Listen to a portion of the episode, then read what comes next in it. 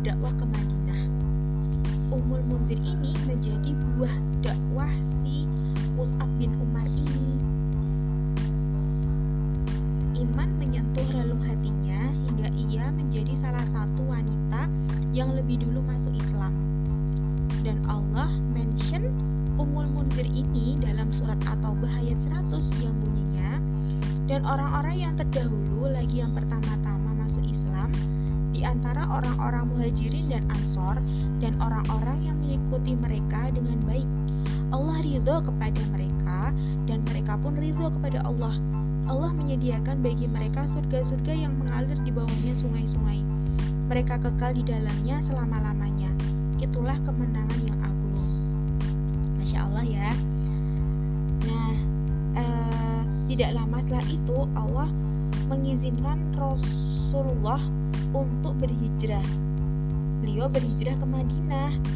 Nah, saat hijrah ke Madinah, kaum Ansor, kaum Ansor sangat bahagia, sangat berbunga-bunga karena kehadiran Rasulullah. Tidak lain dengan Umul Munzir ini, Umul Munzir juga merasa uh, bahagia banget kayak gitu. Nah, bersama sejumlah wanita Ansor lainnya, Ummul Munzir juga berbaiat kepada Nabi. Ia berkata, Aku datang kepada Rasulullah lalu berbaiat kepadanya bersama sejumlah kaum wanita Ansor. Setelah beliau mensyaratkan kepada kami bahwa kami tidak akan mempersekutukan sesuatu apa pun dengan Allah, tidak akan mencuri, tidak akan berzina, tidak akan membunuh anak-anaknya, tidak akan berbuat dusta yang mereka ada-adakan antara tangan dan kaki kami dan tidak akan mendurhakai beliau dalam urusan yang baik. Beliau kemudian berkata, "Kalian jangan menipu suami-suami kalian." Kami kemudian berbaiat kepada beliau. Lalu setelah itu pulang.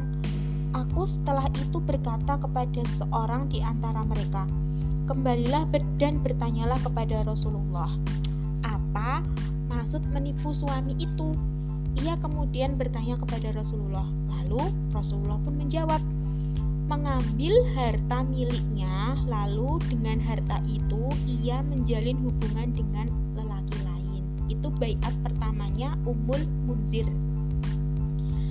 Nah, setelah dia masuk Islam, ia gigih semakin meningkatkan ilmu hari demi hari, giat membaca kitab Allah dan menghafal hadis Rasulullah. Bahkan, dia tak pernah lelah sesaat pun untuk menyampaikan dakwah menuju Allah. Ia menjalani agama ini dengan sepenuh jiwa raga. Dan ia ketika sholat menghadap dua kiblat itu, dia sholatnya bersama Rasulullah. Salah. Uh, nah, selanjutnya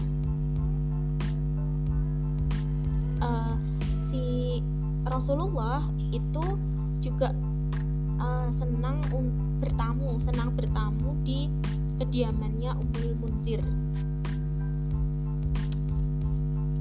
Pernah suatu suatu kali Rasulullah itu datang ke rumah Ummul Munzir bersama Ali.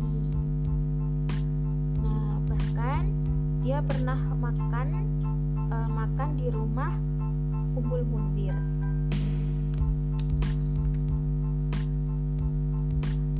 Nah, dalam perang Bani Quraisyah atau perang Hondak, Nabi dan para sahabat kala itu ada perjanjian dengan Yahudi. Yahudi Bani Quraisyah untuk melawan siapa pun yang hendak menyerang Madinah. Nah, tetapi saat itu melanggar perjanjian dengan Rasulullah dan turun surat Al-Ahzab ayat 10 sampai 11 yang artinya yaitu ketika mereka datang kepadamu dari atas dan dari bawahmu dan ketika penglihatanmu terpana dan hatimu menyesak sampai ke tenggorokan dan kamu berprasangka yang bukan-bukan terhadap Allah. Di situ diuji orang-orang mukmin dan digoncangkan hatinya dengan goncangan yang dahsyat. Kayak gitu. Tapi saat itu eh, Allah menurunkan pertolongannya untuk orang-orang mukmin dan mengalahkan pasukan sekutu seorang diri. Dalam surat Al-Azab ayat 25 yang artinya dan Allah menghalau orang-orang kafir itu yang yang keadaan mereka penuh kejengkelan. Mereka juga tidak memperoleh keuntungan apa pun. Cukuplah Allah yang menolong menghindarkan orang-orang mukmin dalam peperangan. Ya gitu. Nah, pada suatu uh, saat pada saat perang azab perang azab atau perang Khandaq ini pada waktu zuhur saat itu Eh, Rasulullah kembali ke Madinah. Lalu Jibril itu datang menemui Rasulullah. Lalu si Jibril ini mengingatkan uh, pada Rasulullah, apakah senjata telah diletakkan? Para malaikat sama sekali belum meletakkan senjata. Aku saat ini kembali tidak lain untuk mengejar musuh. Untuk itu, bangkitlah bersama pasukanmu menuju Bani Quraizah Aku akan berjalan di depanmu. Aku akan mengguncangkan benteng-benteng mereka dan aku hujamkan rasa takut di hati mereka. Jibril kemudian bergerak bersama rombongan para malaikat. Saat itu Rasulullah kemudian memerintahkan seorang untuk menyampaikan kepada kaum muslimin bahwa barang siapa yang tunduk dan patuh, jangan sholat asar selain di Bani Quraizah.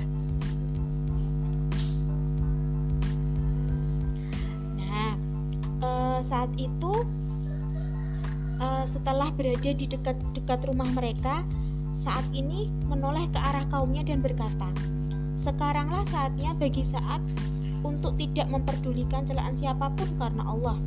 Abu Sa'ad menuturkan begitu saat kelihatan dari kejauhan Rasulullah bersabda hampirilah Tuhan kalian turunkan dia Umar berkata penolong kami adalah Allah semata. Beliau berkata turunkan dia.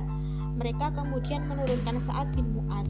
Rasulullah merintahkan jatuhkan putusan terkait mereka. Saat berkata, putusanku terhadap Yahudi Bani Quraisy adalah kaum lelaki dibunuh mati, kaum wanita dan anak-anak ditawan, dan harta benda milik mereka dibagi-bagikan kepada kaum muslimin. Rasulullah menyahut, sungguh aku telah memutuskan perkara mereka dengan putusan Allah dan Rasulnya. Nah, setelah saat itu ada beberapa uh, dari kaum dari kaum uh, dari kaum Yahudi yang uh, mereka itu datang ke siapa? Ke Umul ke Umul Munzir ya. Yaitu yang datang itu adalah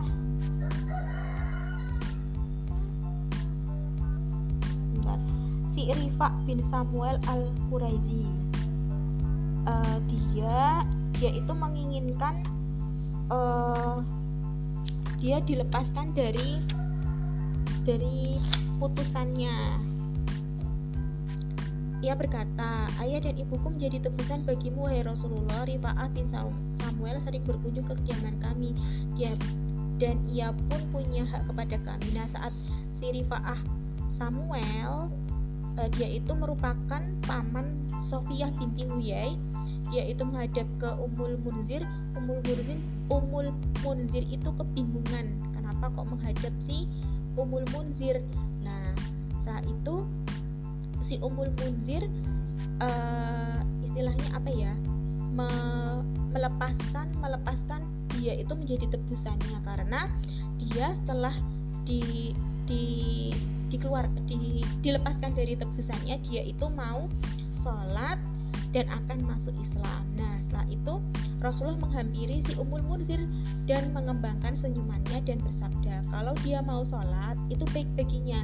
Namun jika tetap bertahan pada agamanya, ia buruk baginya.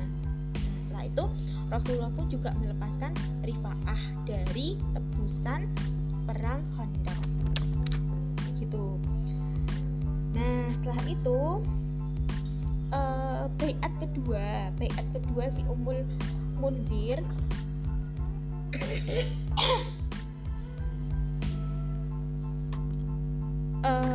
saat itu Umul Munzir ber, kembali berbaiat. Namun kali ini Umul Munzir berbaiat dalam perang Ridwan yang itu saat itu di bawah pohon. Di bawah pohon bersama-sama dengan kaum kaum Quraisy. Eh, iya, bersama dengan kaum Quraisy. Tapi saat itu salah satu yang tidak mau melakukan berbaiat itu adalah Jadad bin Jad bin Qais. Dan yang pertama melakukan baiat adalah Abu Sinan al-Azadi.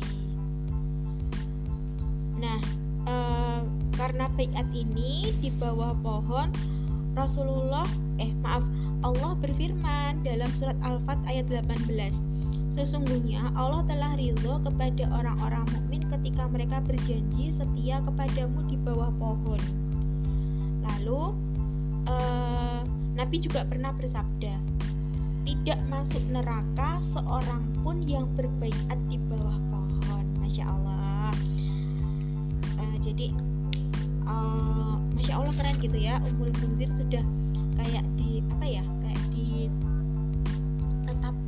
sudah dipastikan bahwa beliau akan masuk surga kayak gitu bahkan uh, saat beliau itu meninggal dunia ada firman Allah dalam surat Al-Qamar ayat 54 sampai 55 yang berbunyi sungguh orang-orang yang bertakwa berada di taman-taman dan sungai-sungai di tempat yang disenangi dan di sisi dan di sisi Tuhan yang Maha Kuasa. Masya Allah.